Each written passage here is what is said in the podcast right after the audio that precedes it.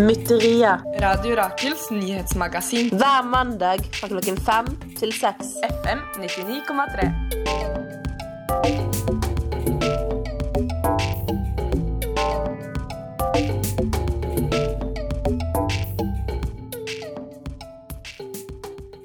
Velkommen til eh, Mytteria. Du hører på Radio Rakel på FM 99,3. Her i studio så sitter jeg, heter Tore Aarseth, og med meg har jeg Truls Sand Offerdal. Eh, vår tekniker i dag er Johanna Kristvik. Og eh, i dag så skal vi jo snakke om eh, selvfølgelig det store temaet som vi eh, ikke kommer utenom. Den, eh, den store tragedien som skjedde her i forrige uke, og som eh, mange har sagt mye rart om. eh, Noe smart og ganske mye ganske usmart. Eh, Og til å hjelpe oss med det, så skal vi få en gjest i studio. El Commandante, Mytterias eh, bestefar. Ja, det skal vi. Vi gleder oss veldig, egentlig. Eh, El Kommandante var programleder for Subcity, som pleide å gå på Radio Rakel til den samme tiden som intervjuet i dag. Og El Kommandante sjæl, han er invitert i studio hovedsakelig ved å skrive sinnssykt bra flamende innlegg på Facebook, hvor han trashtalka alt av liberale kommentatorer. Så vi tenkte at dette hører jo hjemme på radio. Og det gleder vi oss veldig til å kunne dele med dere lyttere. Vi er jo ikke fremmede for å ha litt sterke meninger om den slags tematikk, vi heller. Så jeg tror nok det skal kunne bli ganske bra. Før det så skal vi høre litt grann på musikk, og vi tenker at det skal være tematisk også denne gangen. Så før vi får besøk inn i studio og kommer i gang med en breakdown av hele valgkampen og alt som har gått gærent, så skal du få høre YG, Feed G-Easy og Macclemore med sangen 'Fuck Donald Trump'.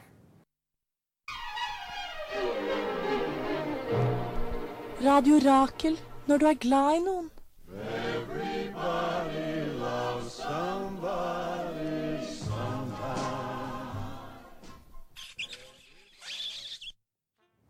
Der hørte du Fuck Donald Trump med YG, G-Easy og Macclemore, en sang som antagelig har gått igjen på gata i mange amerikanske byer den siste uka.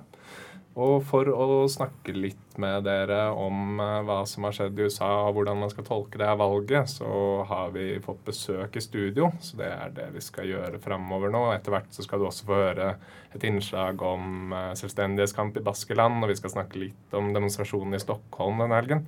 Men først av alt, velkommen i studio, eh, El Kommandante. Tusen takk, unge mann.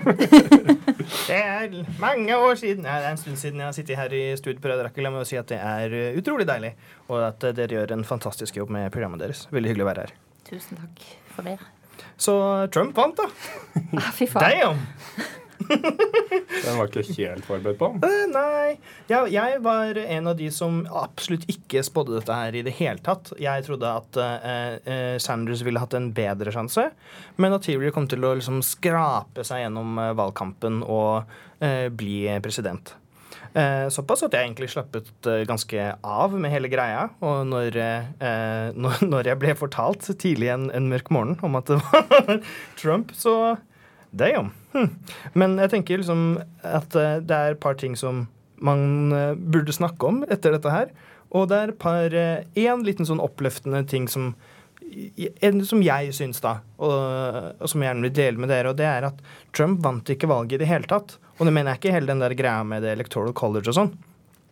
Det som skjedde, var at eh, Hillary tapte. Og hun tapte så det sang. Jeg visste ikke at det gikk an å tape så mye. Så eh, hvis man ser på tallene her, så fikk faktisk Trump færre stemmer enn Mitt Romney gjorde for fire år siden. Og færre stemmer enn John McCain gjorde for åtte år siden. Og klarte likevel å vinne dette valget. Og det er ganske spes. Det er, det, det, det er ikke nødvendigvis godt gjort av han.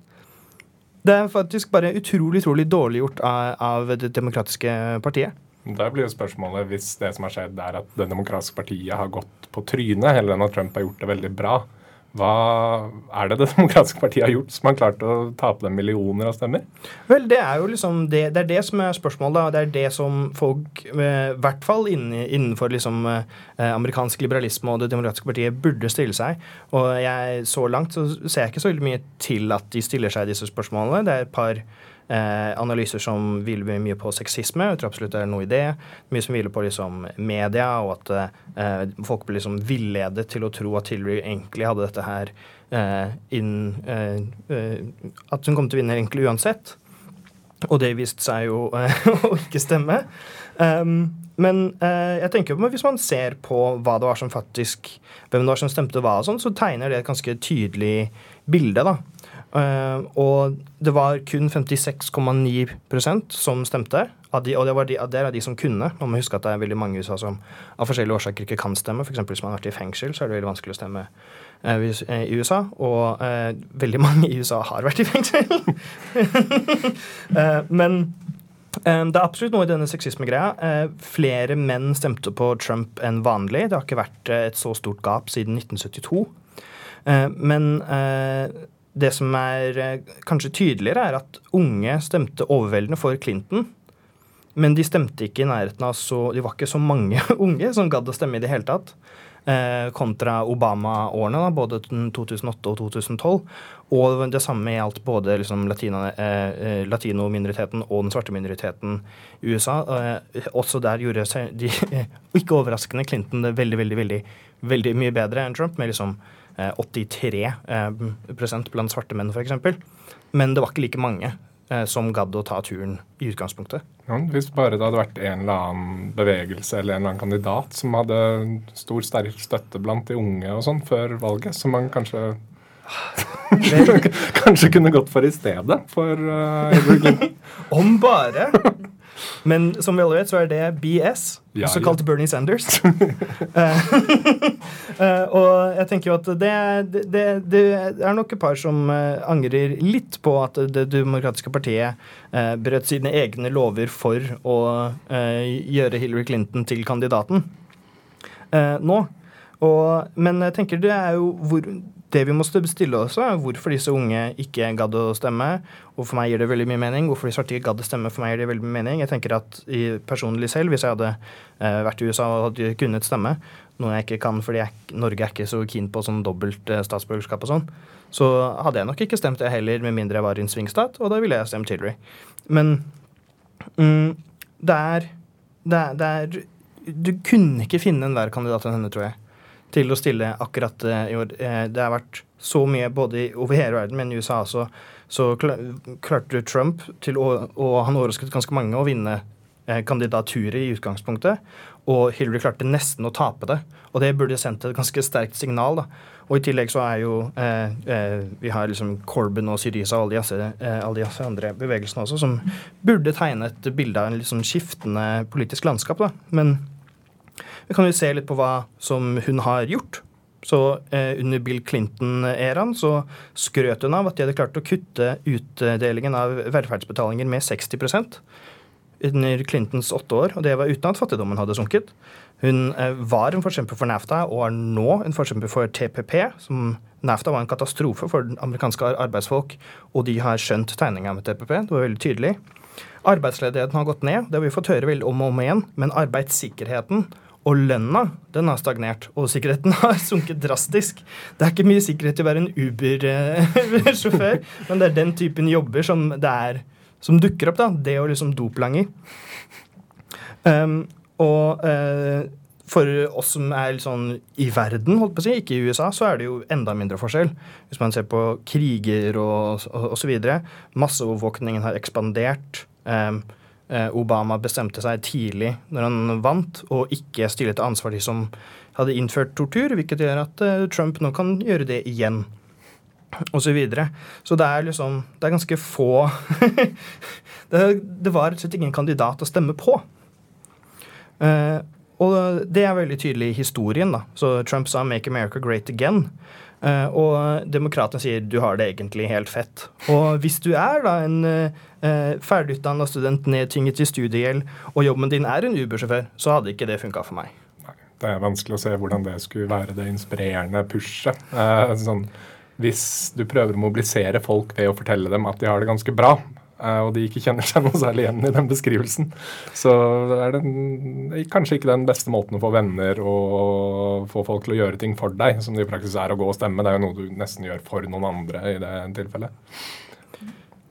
Eh, Da skal vi høre en låt før vi snakker litt videre om Trump etterpå. Eh, Låta vi skal høre, heter Bella Ciao, og det er Chumbawamba som eh, spiller den.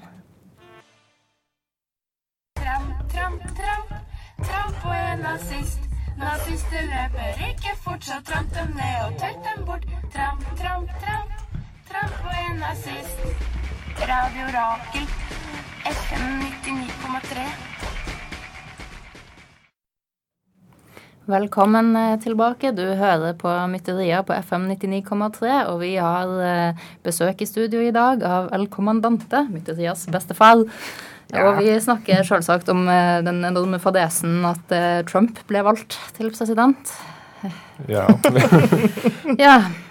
I sted så snakka El Kommandante litt om eh, noen eh, sånne forkortelser, NAFTA og TPP og sånne ting. Dette er jo da eh, store internasjonale handelsavtaler. Da, NAFTA som inkluderer Nord-Amerika og Mexico, vel? Ja, det er The North American Free Trade Agreement, står det for. Ja, nettopp. Og eh, dette, altså, sånne handelsavtaler det er jo ikke bare avtaler om å handle ting koselig mellom stater. Det er jo avtaler som eh, gjør at man må fjerne reguleringer av f.eks. arbeidslivet, velferd og ganske mye rart. Sånn at den effekten sånne handelsavtaler får, er jo forutsigbart nok at arbeidere i den mer velstående staten må konkurrere med arbeidere i eh, et fattigere land. Og så får man outsourcing, da. Alle industrien blir flytta ut til eh, arbeidere som kan gjøre jobben mye billigere. Og så eh, blir det arbeidsledighet og deindustrialisering, og det er i hele tatt en ganske kjip situasjon. NAFTA har jo vært gående ganske lenge, men TPP er jo den nye varianten som man prøver å få på plass med eh, Asia. Ja. Eh, og det er jo også en eh, som går over Atlanteren, som heter eh, TISA. Og T-type. Det er ja, mange. ja, masse, masse forskjellige. Men de er basically NAFTA alle sammen. det de, det er jo ingenting som, som er frihandel med de. Det er mer investorrettighetsavtaler. Og de har konsistent vært en katastrofe for arbeidsfolk. Og eh, som jeg sa, og ikke skal gjenta altfor mye, så det var en veldig stor frontperson for innførelsen av både NAFTA og TPP har jo vært Hillary Clinton i USA. Og det er ikke sånn superart at de ikke eh, var så keen på det. Det sagt, så har de ikke, de har ikke fått, eh, fått en fantastisk kandidat til president heller. Nei, det skal man på ingen måte late som. Eh, og selv om vi starta hele tingen med å si at jo, det er mye vanskelig å bli engasjert over Hillary Clinton som en kandidat, så er det et par ting med Donald Trump i de siste hvor mange dager har det vært nå? Fem dagene? Ja. han har allerede klart å skremme meg ganske mye. Eh, For det første så satte jeg meg ned og så begynte jeg å se på visepresidentkandidaten hans, han er Pence, som han har eh, tatt med. En visepresident er jo da en litt mystisk figur. De kan noen ganger få masse makt, og de kan noen ganger få litt mindre makt, litt etter hvor godt de klarer å samarbeide. Og hovedfunksjonen sånn juridisk er jo at de tar over hvis presidenten dør. Um, nå skal jeg ikke sitte på lufta og argumentere for at Donald Trump bør dø, det, det er jo ikke snilt. Hvorfor ikke? Nei, men altså sånn, Juridisk høres ikke det ut som en god idé. Men, eh, men hvis, han, hvis nå Donald Trump skulle finne på å ikke lenger kunne være president, det vil vel også tre i kraft hvis han blir avsatt, lurer jeg på. Med Ja. mindre det blir en stor nok regjeringskrise til at man får et nyvalg, som så å si aldri skjer. Så er det denne her Pence som skal komme inn. Og Pence han er interessant. Han har bakgrunn fra radio, sånn som oss. Yay! Men da er han sikkert en grumkar. Ja, Men eh, da snakker vi talk radio, altså den amerikanske sjangeren med hvite menn som skriker om hvor fælt alt er på radioen mens folk kjører bil. For Mike Pence, han er eh, som karakter Satan selv, eh, vil jeg våge å påstå. Jeg skal lese et lite sitat fra han. Det går da spesifikt på, um, på situasjonen for skeive og homofile i USA.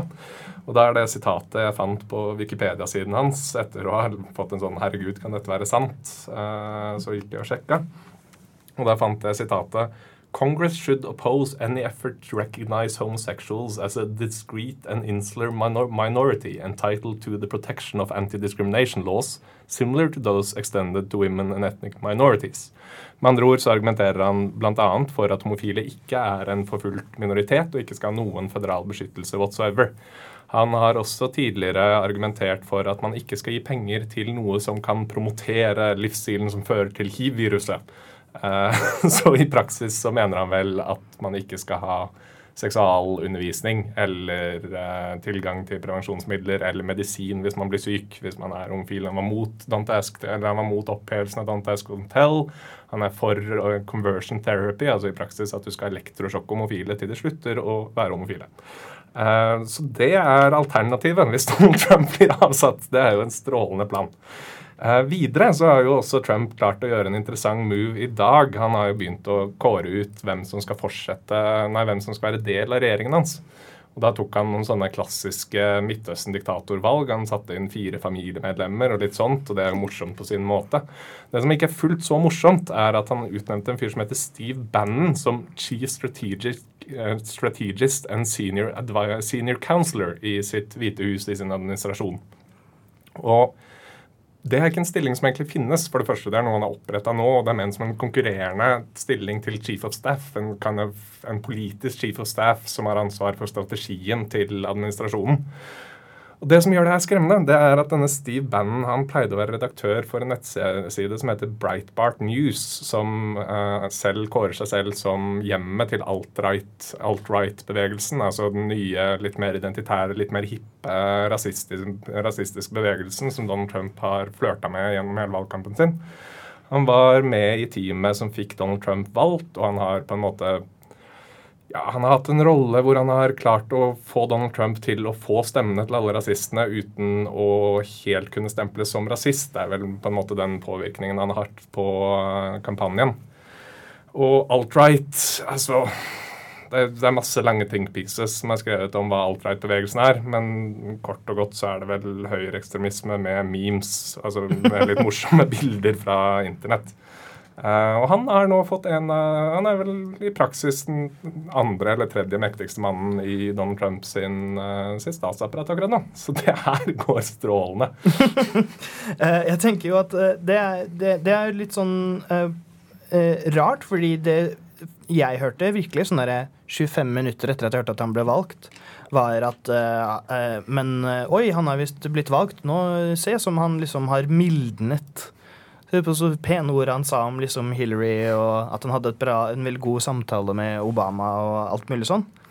Eh, heldigvis virker det ikke som veldig mange har eh, kjøpt det. da. Det er jo protester eh, har vært det hver eneste dag eh, siden han eh, ble valgt.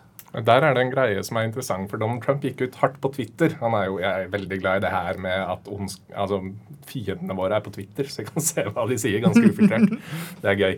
Donald Trump gikk ut på Twitter og sa vi har nettopp hatt et fantastisk demokratisk valg, og nå protesterer betalte demonstranter utenfor for å prøve å hindre den lovlige overføringen av makt.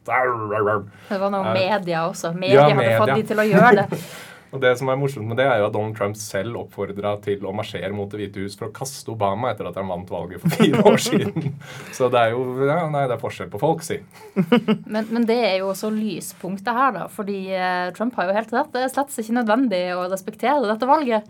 Det, altså, det er ikke sånn at eh, de institusjonene som er satt opp eh, per i dag, nødvendigvis er det ypperste uttrykket for demokrati. Og hvis man har valgt eh, gjennom det systemet en dust som de aller, aller fleste egentlig er enige om er helt forferdelig, så ser det ikke noen grunn til at man plikter å respektere det systemet lenger. Da kan man egentlig bare sette i gang og marsjere og lage revolusjon. Eh, ja, og det er faktisk akkurat sånn alt framskritt ever har blitt har blitt, det er mystisk, det der, altså. har blitt oppnådd. Så uh, jeg kunne ikke vært mer enig. Og for meg så er det Jeg blir litt sånn små Eller faktisk sånn, litt, litt sånn småveldig ekstremt forbanna. Uh, og eh, når eh, disse folka som har vært sånn derre Du må stemme på Hillary Clinton selv om hun er liksom et forferdelig monster fordi Donald Trump er så mye verre. Han er en fascist. Han er, eh, han er det ene, han er det andre. Og så er det sånn ja, OK, sure, sure ja, eh, Kjøperen, jeg vet ikke helt, liksom. Men eh, så vinner han, da. Og de bare sånn, ja, ok, men eh, Ja, det var trist, men nå må vi selvsagt sørge for at dette her eh, eh, skjer under ordna forhold, og vi må respektere så, Det var dere som sa at, han var, at vi måtte stemme på Hillary for å bli kvitt den! Vi var, vi var veldig enige at han var Satan for to uker siden. Jeg skjønner ikke hva som skjedde. Nå er det plutselig en kontroversiell uttalelse. What the fuck? Nei, uh, nei, altså Nei, det er interessant, om ikke annet. Jeg putter liten min der jeg putta den før valget, jeg. også. altså de, de samme folka som har vært eh, eh, Som jeg har sett på som transformative i førvalget, det var Black Lives Matter, det var de amazing folka i North Dakota som eh, stemte mot oljelinjen. Det er de folka som har demonstrert og eh, organisert mot deportasjoner under Obama, som for øvrig hadde deporterte rekordmange under hans eh, administrasjon. Eh, Jeg tror det er eh, mot dem vi skal eh, se for forandring. Fordi de folka som advarte oss med så sobre, statsmannaktige folder i ansiktet for noen uker siden, de, de, de har visst kapitulert. De har gitt opp, rett og slett. Vi skal snakke enda litt mer om Trump, tror jeg, eller eh, etter en liten låt. Men først må vi ha et lite avbrekk, fordi jeg tenkte at det er en slitsom fyr å tenke på for lenge om gangen. Dere skal få høre Cold War av Janelle Monet.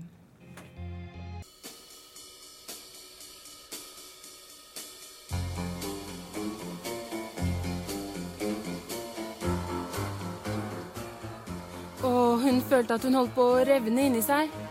Var verden stadig bare en tumleplass for våpengale, maktsyke hvite menn i dress? Utmattet og halvt i svime famlet hun seg frem til radioapparatet. Ut strømmet tonene fra Radio Rakel.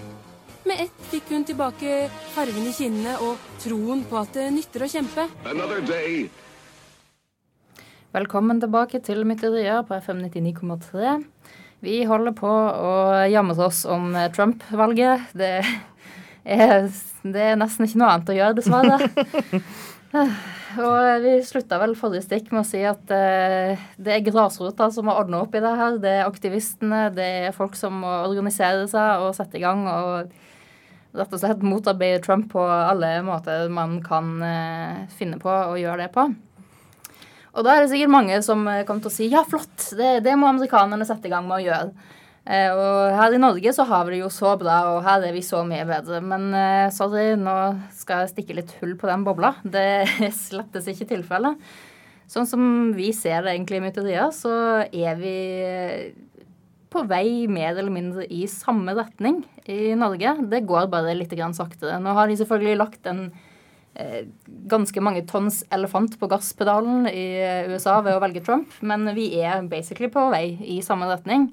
Her går det litt saktere fordi velferdsstaten har vært en garantist eh, for at man har eh, de aller fleste i Norge er middelklasse, lever ganske anstendig og har ikke helt samme grobunn for de samme holdningene ennå, men vi er på vei i den retningen. Ja. Før, før sending snakket vi jo litt om hvordan man skal sammenligne Norge og USA i sånn politisk sammensetning. Det syns jeg var litt interessant. Altså, man har ikke topartisystem i Norge, men eh, El Kommandante Man har et uh, toblokksystem, så i USA så eh, er det én person som er Pepsi, og en annen person som er Cola. Og så får du velge mellom Pepsi og Cola, og fuck you hvis du vil ha appelsinjuice. Og eh, eh, i, i Norge og liksom i andre parlamentariske systemer så er det en tendens til at det bygger seg opp slik som det er gjort i Norge. da, At man istedenfor to personer har to blokker, om du vil, da, med partier. Eh, hvor det er eh, det, De rød-grønne holdt jeg på å si på den siden representeres da liksom, Arbeiderpartiet og eh, Høyre og Frp på den andre, hvor jeg tror det var du, Tori, som sa at eh, Frp representerte Tea Party slash Trump-bevegelsen, de som er i ferd med å vinne det republikanske partiet. Og Høyre representerer eh, da liksom gamle garden, da Bush, McCain osv., som er de som har vært sånn derre «Ok, au, hva skal vi gjøre? Og så eh, nå eh, bare ser litt sånn triste ned mot på gulvet. Og bare, Ja, for eh, selv om man har eh, flere partier her, så har man jo alle de samme tendensene inkorporert i partiene i USA. Så hvis eh, Høyre og Frp til sammen er liksom det republikanske partiet, så har man jo, og KrF kanskje til en viss grad, de står kanskje litt med beina her og der, men så er jo Ap er jo Clinton. De, altså, de er jo den nyliberale eliten som overhodet ikke har noe kontakt med det som skulle være grunnlaget, arbeiderkamp. Eh, og som basically drives av karrierepolitikere. På samme måten som eh, eliten i Demokratene. Så har du SV, som jo er liksom eh, litt sånn fringen i, i Demokratene. Problemet til SV er jo at de er så assosiert med kultureliten. At de klarer ikke å mobilisere arbeiderklassen, dessverre, utenfor byene osv. Så, eh, ja. Det, Og vi det, har det lover jo ikke godt for fremtiden hvis ikke vi klarer å måte snu Nei, nei, politikkutviklingen. Og så øh, eh, vi, Det har jo vært snakk om å bygge, bygge vår egen vegg opp mot Russland og sånn. Og, og, og vi har vår egen storhaug, og vi har vår, vårt eget sett med, med, med problemer. Er Så hvor den arrogansen overfor USA kommer fra, den tror jeg kanskje man skal eh, rydde litt i sitt eget hus før man, eh, før, Ja. før man blir altfor slesk. Og disse handelsavtalene er jo også den norske regjeringen, og ikke minst byråkratiet. Det har egentlig veldig lite å si om det er Ap eller Høyre som sitter i regjeringen. Byråkratiet de gønner på å forhandle handelsavtaler og holde på. Så det går i den retningen. Jeg husker altså for, for 100 år siden, sånn eh, på begynnelsen av 2000-tallet sånn cirka, så studerte jeg sammenlignende politikk. Og da måtte vi lese en bok eh, som handla om hvordan protestene i Seattle eh, i 99 handla om eh, antiglobalisering som en slags sånn vagt konsept om at folk var redde for det store utlandet, for det var så skummelt. Altså det, det var det nivået analysen til elitene lå på, og jeg tror fremdeles det ligger mer eller mindre på samme nivå. Man forstår ikke hvorfor folk er skeptiske til handelsavtaler. Man tror at det faktisk er en sånn her bondsk mentalitet med at man er redde for den store verden. Og eh, når politikerne er så fjerna fra folks virkelighet, så åpner det døra for at fascistene kan eh, komme med sine løsninger, dessverre. det som er med alle disse handelsavtalene altså folk har, Politikeren og eliten kan argumentere for at du ikke eh, For at det er fordi folk er skeptiske til det store utlandet. Men store utland har jo ingen større mulighet til å komme hit som en del av handelsavtalene. De handler jo ikke om at grensene skal svekkes. Det hadde vi jo vært for. Som egentlig. Jeg er ikke noen særlig glad i grenser, jeg i hvert fall. Men Nei, det, altså- er, det er elastiske systemer hvor du skal få lov å komme gjennom hvis du er penger, men ikke hvis du er folk. Ja, ja. Og så liberale vil jo at eh, alt unntatt brunfolk skal komme over gren grenser. Og vi vil kanskje gjerne at spesielt brunfolk skal komme over grenser, fordi liksom, de er awesome. De er, liksom, de er ganske pene. De lager mye bedre mat. Altså, de, de er rett og slett amazing folk, og de fortjener å komme, komme hit, og vi fortjener å ha dem her. Det er også veldig lite faktisk beskyttelsesbehov for penger. Altså, er sånn, På sett og vis er det jo sikkert altså, Jeg vet ikke hvorfor penger skal ha lov til å søke beskyttelse eller bedre livsvilkår, mens folk ikke skal ha det. Nei, absolutt ikke.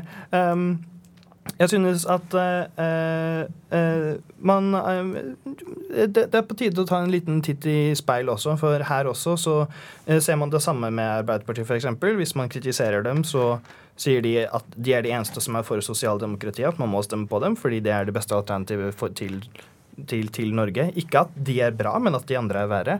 Det har vært gjennomgående. Derfor de tapte valget for eh, tre og et halvt år siden nå, nå også. Og eh, mm, de er rett og slett bare sånn veldig, veldig arrogante i møte med eh, våres opplevelser av å leve her. Og eh, jeg tror det kommer til å gå samme veien om ikke de skjerper seg. Mm. Da skal vi vel eh, høre en til eh, låt. Og så skal vi ta heldigvis til Sverige. Ja, Ja, ikke, hvor ingenting fælt noensinne skjer. Nei, det skjer litt av hvert i Sverige. Men først skal vi høre Kendrick Lamar med All Right. One,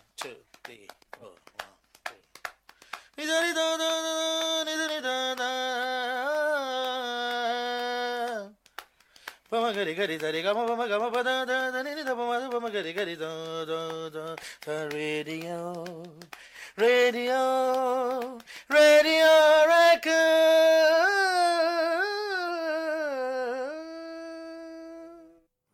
Du hører på Mytteriet her på FM 99,3. Oh, deilig å si. uh, uh, jeg er El-kommandante Eidi, uh, gjestedude i dag på Mytteriet. Og eh, Truls, word on the street er at du vet ting om ting som har skjedd i Sverige. Ting skjer, alt annet er hemmelig, er den en linje som går i en sang jeg liker. Um, først og fremst, jeg var ikke i Sverige uh, i helgen, hvor det var en stor uh, nazistisk demonstrasjon og en enda større motdemonstrasjon. Først av alt for alle interesserte parter som hører på. Jeg var ikke til stede. um, men det tenkte jeg likevel at det var noe jeg kunne snakke litt om på radio, for sånn jeg ser det, så er det ganske viktig. Det som fant sted, var i praksis en av definitivt den største nazistiske mobiliseringen og markeringen jeg har sett i Skandinavia i den tiden jeg har liksom uh, fulgt med på politikken. Det var rundt 500, et sted rundt 500 nazister som møtte opp. Og så kledde de på seg svarte klær, og så hadde de skjold, og så hadde de flagg, grønne flagg med noen piler på og sånn, sånn som de pleier. Det var bare veldig, veldig mange av dem. Det var den nazistiske gruppa Nordiske motstandsrørelsen som arrangerte demonstrasjonen, og de holdt parolen 'Stopp invasjonen' eller et eller annet sånt. De mener at eh, Europa invaderes av alle disse farlige menneskene som kommer for å ta oss. Um, de holdt en mobilisering i sentrale Stockholm, hvor de la seg opp en ambisiøs marsjrute på rundt 800 meter, som de også klarte å gjennomføre. Og så hadde de et større møte hvor de holdt litt taler, og de klarte de også å gjennomføre. Mest bemerkelsesverdig der er en 88 år gammel gammel nazist som burde antagelig ikke vært i stand til å delta på den typen til lenger, men hun klarte å holde appellen sin. I det hele tatt så var det veldig lite som ikke gikk sånn som nazistene ville. Um, det som er fint, er at det var ikke fordi ingen prøvde å sørge for at det ikke gikk som nazistene ville. Det var store mobiliseringer fra hele Skandinavia. Masse flotte, fantastiske folk som reiste ned, eller som tok seg fri den dagen og dro inn til Stockholm sentrum for å markere at nazister er sinnssykt høl i huet. På den største markeringen som man kan telle folk på, så var det et par tusen mennesker på Segels torg på en faglig demonstrasjon hvor man eh, samlet fagforeninger og politiske organisasjoner for å vise motstand mot disse nazistene. og i tillegg til det så var det en gjeng med smartinger og flotte folk som eh, mobiliserte til et alternativt arrangement under parolen 'snøballkrig mot nazisme'. hvor de uh, ganske korrekt analyserte at nazister ser ikke så jævlig tøffe ut når de blir truffet av snøballer. Og siden det hadde kommet en del centimeter med snø i Stockholm, så tenkte jeg at det var en bra tilnærming. Så hvorfor er det veldig viktig å markere mot disse nazistene, er jo et uh, greit spørsmål. Altså, er det ikke litt sånn som Trump? Vi må respektere den demokratiske prosessen, og alle må ha rett til å ytre seg. Vel det, Sist jeg var i Stockholm, så var det, klart, var det maks 120. Så hvis det er 500 nå, så har vi respektert dem litt for mye, syns jeg. Ja, da begynner kanskje respekten å gå litt langt. Det var jo også noen uttalelser fra politisjefen i Stockholm som beklaget på dyp og hellig ære overfor eh, Nordfront, eller NMR, at uh, de hadde blitt forstyrret. Det var noen som ropte ting, og det var dårlig, for da klarte ikke de å holde fokus i markeringen sin. Herregud. Og ikke bare det, det var litt røyk, og folk likte dem ikke noe særlig, og det påvirket gjennomføringen.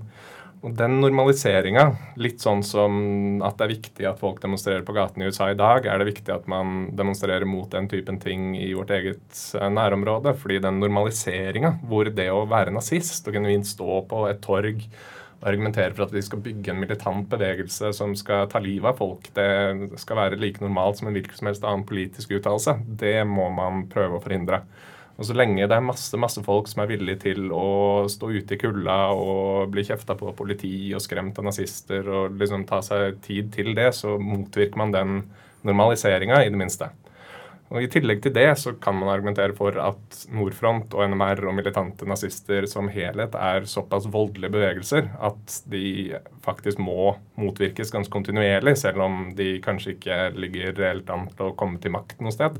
Samtidig så har de klart å kuppe seg inn i noen kommunestyrer. og Det er jo en av de store sannhetene i politikk. At du trenger egentlig ikke ta over hele landet. Du kan ta over små embetsverk. Du kan få folka dine inn i rettsvesenet. Du kan få folka dine inn i kommunestyrene, og du kan klare å gjøre sinnssykt mye kjipt for folk. Og gjøre det ganske dårlig å leve eh, kun gjennom sånne små greier. Og da trenger man ikke være noe større enn 500 mennesker. Um, disse folka er ikke fryktelig store i Norge. De eh, har vel kanskje 40-50 personer, men de har allikevel gått ut og lovet at de skal holde en større markering i en stor norsk by eh, neste år.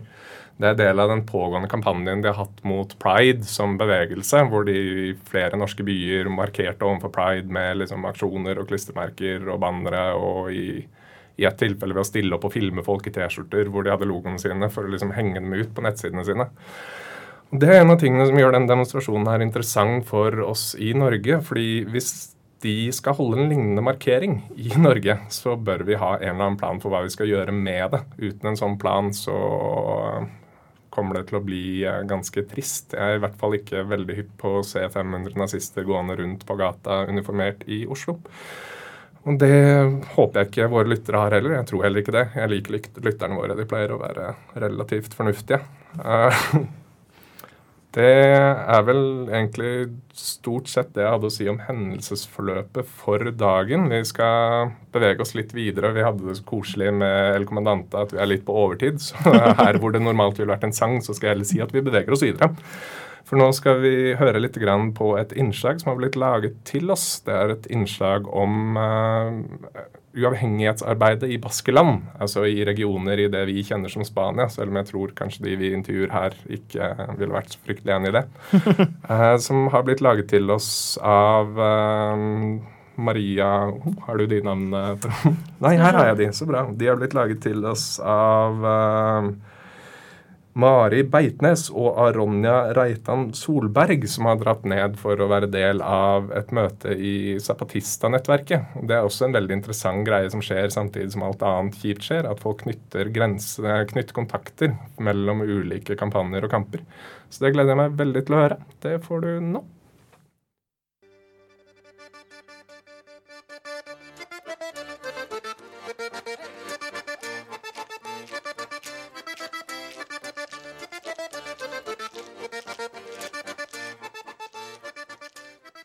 Vi befinner oss i Baskeland, vest i Pyreneene, som strekker seg langs grensa mellom Spania og Frankrike. Baskeland er et historisk område med en identitet og et språk som skiller seg fra indoeuropeiske språk, og har i lang tid kjempa en kamp for selvstendighet. De omkransende stormaktene har gjort mange forsøk på å innskrenke baskernes selvstyre for å innlemme territoriet i sitt eget. Da Francos fascistiske styre kom til makta i Spania i 1936, ble deres rett til selvstyre innskrenka ved spansk lov, og dette var starten på en lang periode med hard undertrykking og assimilering. I dag kalles Baskeland en autonom region og har eget selvstyre, men det diskuteres om denne selvråderetten er reell, da den spanske staten i praksis alltid har det siste ordet. I den baskiske regionen Navarra, med hovedsete i Ironia, ligger fjellandsbyen La Cave, som vi nå er i. Denne helgen møtes aktivister fra hele Europa som er en del av nettverket Europa Zapatista. I solidaritet med zapatistene i Chiapas i Mexico jobber de for en alternativ organisering av samfunnet, hvor makten kommer nedenfra og fra venstre, i motsetning til i dag hvor den kommer ovenfra og fra høyre. Omkransa av grønne åser ligger okkupasjonen La Cabe. Her bor det om lag 30 mennesker som lever i tråd med sine idealer om en bærekraftig og antikapitalistisk verden. Vi har snakka med Joshu, som har bodd i Lakabe i sju år, som forteller litt om Lakabes historie og hvordan livet i landsbyen er. Lakabe es un pueblo, ha sido un pueblo convencional, digamos, hasta la década de los 60. Lakabe har vært en vanlig landsby siden 60-åra, hvor det bodde folk som ikke sto så sterkt økonomisk. Som mange andre pyreneiske landsbyer ble den fraflytta frem til 80-tallet. Det var også på starten av 80-tallet at en gruppe ungdommer samlet seg og inntok landsbyen på nytt ved okkupasjon.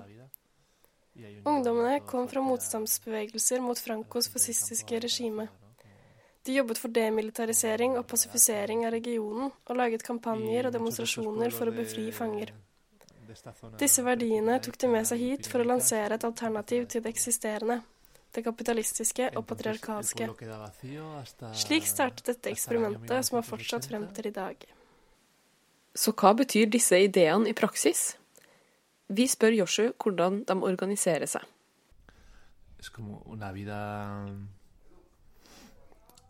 Aceptar la vida conforme a sus ciclos, por un lado, en relación con la madre naturaleza.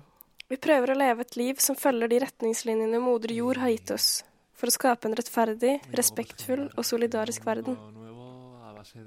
Noe ganske grunnleggende er å ødelegge den kapitalistiske ideen og konseptet om privat eiendom, og erstatte det med kollektive prinsipper. Andre viktige verdier er selvforsyning og autonomi. På noen områder, som energi, vann, mat, boliger og skole, har vi kommet ganske langt, men det gjenstår fortsatt en del innen helse og velferd.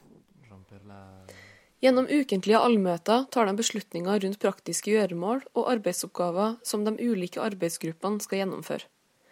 De har også månedlige møter med rom for å diskutere verdier og visjoner som ligger til grunn for prosjektet. Andre møter omhandler det emosjonelle og, me og de mellommenneskelige relasjonene.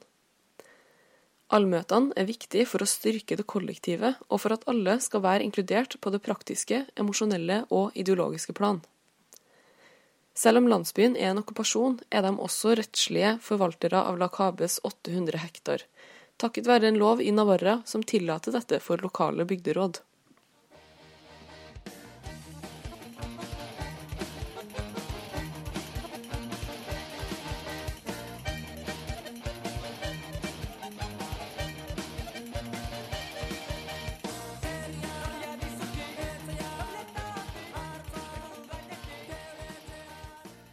Man trenger ikke å dra langt for å finne en motsats til det innbyggerne i La Cabe tror på.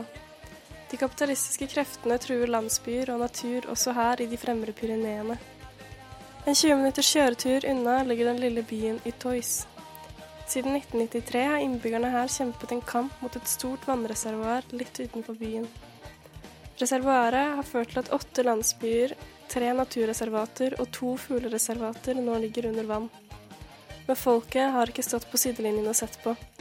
Siden 1995 har de gjennomført over 40 direkte aksjoner og mobiliseringer mot prosjektet. Vi snakker med en mann fra Itois som har vært sentral i motstandskampen, som forteller om en aksjon i 1996. es cuando hacemos la acción del corte de cables del sistema de transporte de hormigón. Det var da vi gjennomførte aksjonen som gikk ut på å kutte vaierne i transportsystemet for sement. 150 meter over bakken var det tre par vaiere på over 800 meter som kunne frakte 20 tonn sement hver. Før vi kutta dem, utførte vi to aksjoner hvor vi la oss i hengekøya for å stanse arbeidet. Men etter det økte de sikkerheten ved anlegget. 6. april var vi åtte medlemmer av organisasjonen som ukledd som arbeidere tok seg inn tidlig om morgenen og kutta vaierne. En del journalister var med for å dokumentere denne viktige aksjonen. Som følge av aksjonen stoppet arbeidet ved reservoaret opp i et år, men de åtte aksjonistene måtte bøte med fengselsstraffer. De ble også utsatt for grov vold av de private sikkerhetsvaktene under pågripelsen. I senere tid har selskapet blitt pålagt å betale erstatning for dette.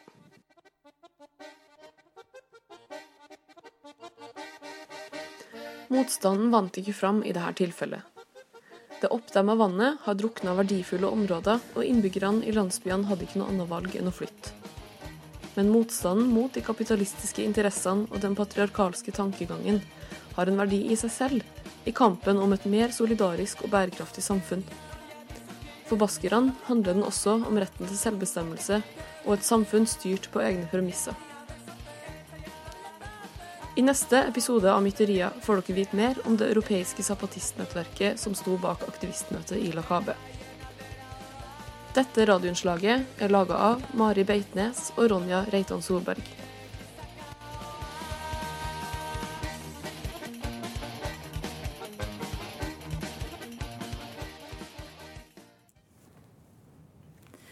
Ja, du har nå hørt eh, hele sendingen vi hadde for i dag på uh, Mytteria. Radio Rakel FM 99,3. Vi har snakka mye om Trump og klaga mye om eh, Trump. Og vi har også klaga litt og snakka litt om eh, nynazister som marsjerer i Stockholm osv. Nett, nå nettopp så hørte du et innslag eh, om eh, frihetskamp fra Baskeland, eh, som Mari Beitnes og Ronja Reitan Solberg har laga. I studio i dag så har vi hatt Solstrand Offerdal, meg sjøl, Tore Aarseth heter jeg. Og vi har også hatt eh, besøk av El Commandante fra Subcity. Vår tekniker eh, har vært Johanna Kristvik. Og eh, nå til slutt så eh, nok en liten eh, Trump-relatert sak. Eh, det er jo også blitt viden kjent at Trump har vært KKK sin kandidat. Og eh, vi skal la Billie Holiday få det siste ordet om eh, hvordan ting føltes her i verden sist KKK var ordentlig komfortabel med å gjøre sånn som de ville.